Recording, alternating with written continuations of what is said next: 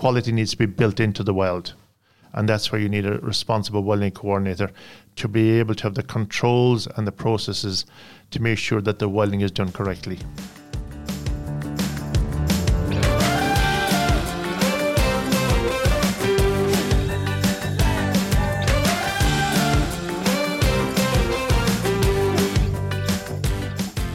Góðan daginn, ég heiti Gustaf Adolf Hjaltarsson.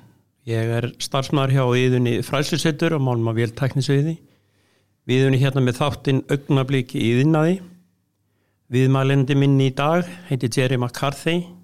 Hann kemur frá Írlandi og er hér að kenna saman með mér í námskeiði sem heitir ábyrjastjóri Suðumála eða Responsible Welding Coordinator Ég ætla að ræða við hann örlítið um hann sjálfan og hvað þetta gengur út á þetta námskeið. Welcome Jerry. Thank you. Who is Jerry McCarthy? Uh, I'm Jerry McCarthy. I come from Ireland. I've been working in structural steel industry all my life.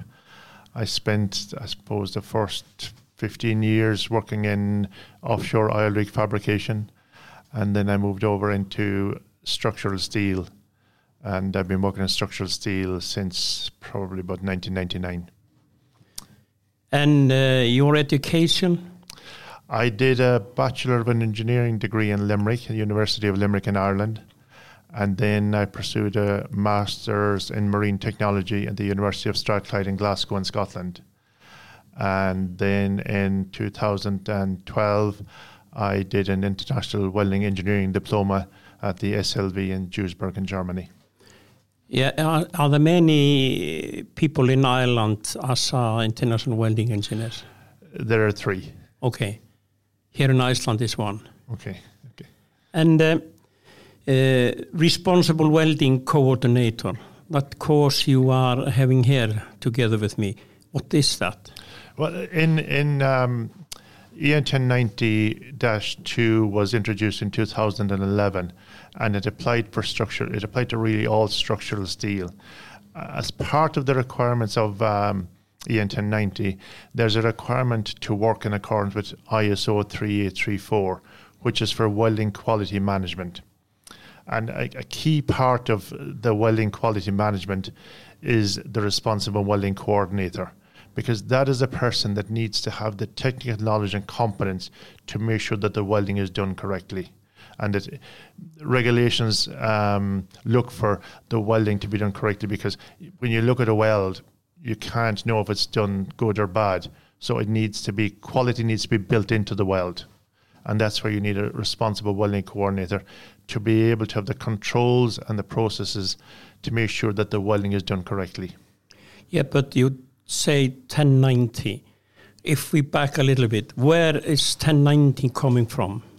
10, EN1090 is it was brought in to, for to make sure that the structural steelwork was CE marked, so that steelwork all over Europe complied with the same requirements. So if, prior to EN1090, depending where you were in Europe, each country had different regulations for building steelwork. So if you were doing building steelwork in Ireland and maybe supplying it to France, the standards were different. EN1090 was brought in by the European uh, Union to ensure that all steel, structural steel fabricated in Europe work to the same standards.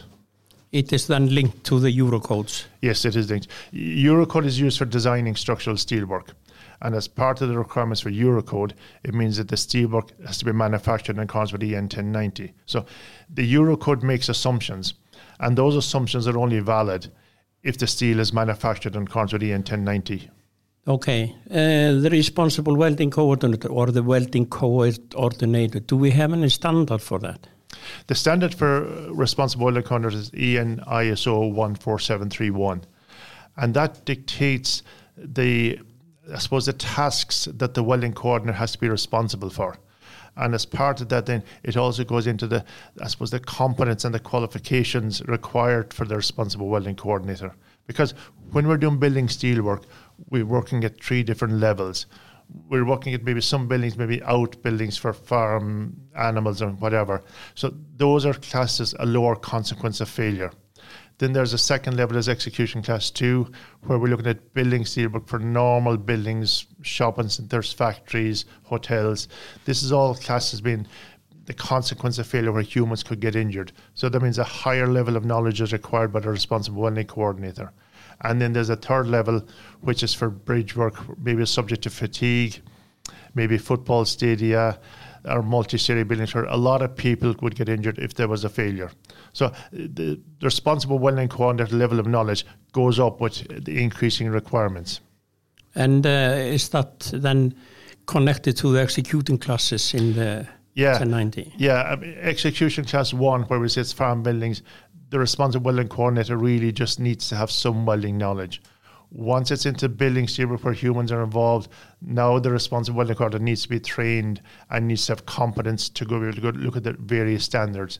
And when you go up to the the bridge workers here, football stadium, then the requirement of knowledge by the responsible welding coordinator is classed as comprehensive. And then we're really looking at an international welding engineer as a type of person who would have that knowledge. And uh, what is the main issue of that standard 14731? Um, well, it, it looks at the sort of the different tasks that the welding coordinator has to comply with. And then it says that each company even though they have employed a responsible welding coordinator, it's the company that's responsible for welding coordination. So the company has to make sure that the person they have appointed to the welding coordinator has sufficient knowledge and is competent to execute the duties for that company. And different companies will have different requirements. Some company might have one welding process with maybe four welders. So the competence level for that welding coordinator is lower than somebody who might have maybe four different welding processes and maybe 40 welders and maybe welding different types of products. So each company has to assess the level of competence and knowledge that is required for their company and then make sure they appoint a person who has that knowledge so he can execute the role. And uh, uh, that, that in, in that standard, uh, they I know it uh, takes and tell you a lot about a lot about uh, the different roles. For example, when you look at the different tasks, for example, uh, for the weldings, for the material, for the certificates, yeah. how you maintain your machines and everything about that. Yeah. Can you can you tell us a little bit about that? Yeah, the the, the tasks within the standard they're they're broken down into twenty main tasks. And that looks at doing a technical review before you commence the work to make sure you understand all the requirements that are that are required by the customer or maybe by the standard. Then you'll also look at the welding personnel. Are the welding personnel qualified? Are their certs all up to date? Because it's a requirement that each welder has to have a certificate to that allows him to weld in a certain position or a certain type of material. He also needs a thing called the weld procedure specification, which is a basic a work instruction for him to follow, and that welding procedure specification has to be validated by testing. And this is all sort of complicated work that needs to be done before a welder gets to do any welding then he needs to make sure that the machines you're using are validated and they're kept up to date and they're maintained. After that, once he's doing his welding, then he has to do various weld inspection. And you do ins- you inspect before welding, during welding, and after welding, and that's to making sure that before you started welding, that everything was in order with the welding consumables, the welding procedure specifications, and the welder qualifications during welding, you're checking that he's using the right welding current, the right welding voltage, the right travel speed. And then after welding, there's a I suppose a certain amount of inspections have to be done. You'll have to do 100% visual weld inspection. So again, the person who does that has to be qualified. Then you might need to do a certain maybe 10 or 20% of magnetic testing or maybe ultrasonic testing. To again, you're checking the integrity of the welded product. And then on top of that, you have to keep all your records. So it's important that the all the welding that has been done and the product is finished, now you have a whole load of records that really validates that welding process. So if your customer or the regulator wants to check if you've done it right, you've got all these records that it can assure the customer that, that you've done what was required and you've complied with the requirements of the standard. And do you have a lot of uh, welding coordinators in Ireland? Yeah, like every company has to have their own welding coordinator. Um, I suppose historically the issue has been that companies don't see as it their responsive welding code as being a job function. Like they will have an accountant, they'll have maybe somebody who's responsible for health and safety, and they'll have different functions. It's getting it's difficult to get companies to say, look, he is my responsible welding coordinator, and that's his job. Uh, at the moment, it's kind of given to somebody who's maybe in the welding area, whereas in reality, it needs to be a job on its own. The, the job of responsible welding coordinator is critical to the successful operation of the welding uh, within the manufacturing company. And who in Ireland, for example, uh, has control uh, uh regarding to this, uh, you know, well, uh, that a company have a welding coordinator? Well, it's really left to the, the notified body who's doing the audits. For the structural steelwork industry, all the companies have to be certified by a notified body. That notified body then gets their a certification approval from Europe. So in Ireland, the main uh, body that does that is the National Standards Authority of Ireland, and they have been certified by the Irish National Accreditation Board to do these audits.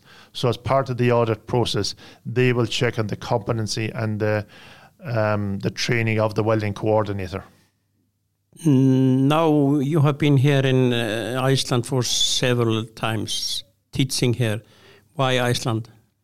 Why? So, well, it was really Gustav when you came to Ireland to do the course with me in Ireland, and I suppose you reviewed the course and said, "Look, this is the kind of training we need in Iceland." Um, it's it's going on all over Europe. Um, it is a very very important requirement for the fabrication and welding, I suppose, manufacturing companies. And do you like being here? Oh yeah, yeah. It's it's a, it's a nice change. Yeah. Thank you very much for the talk. Okay. Thank you. Thank you very much.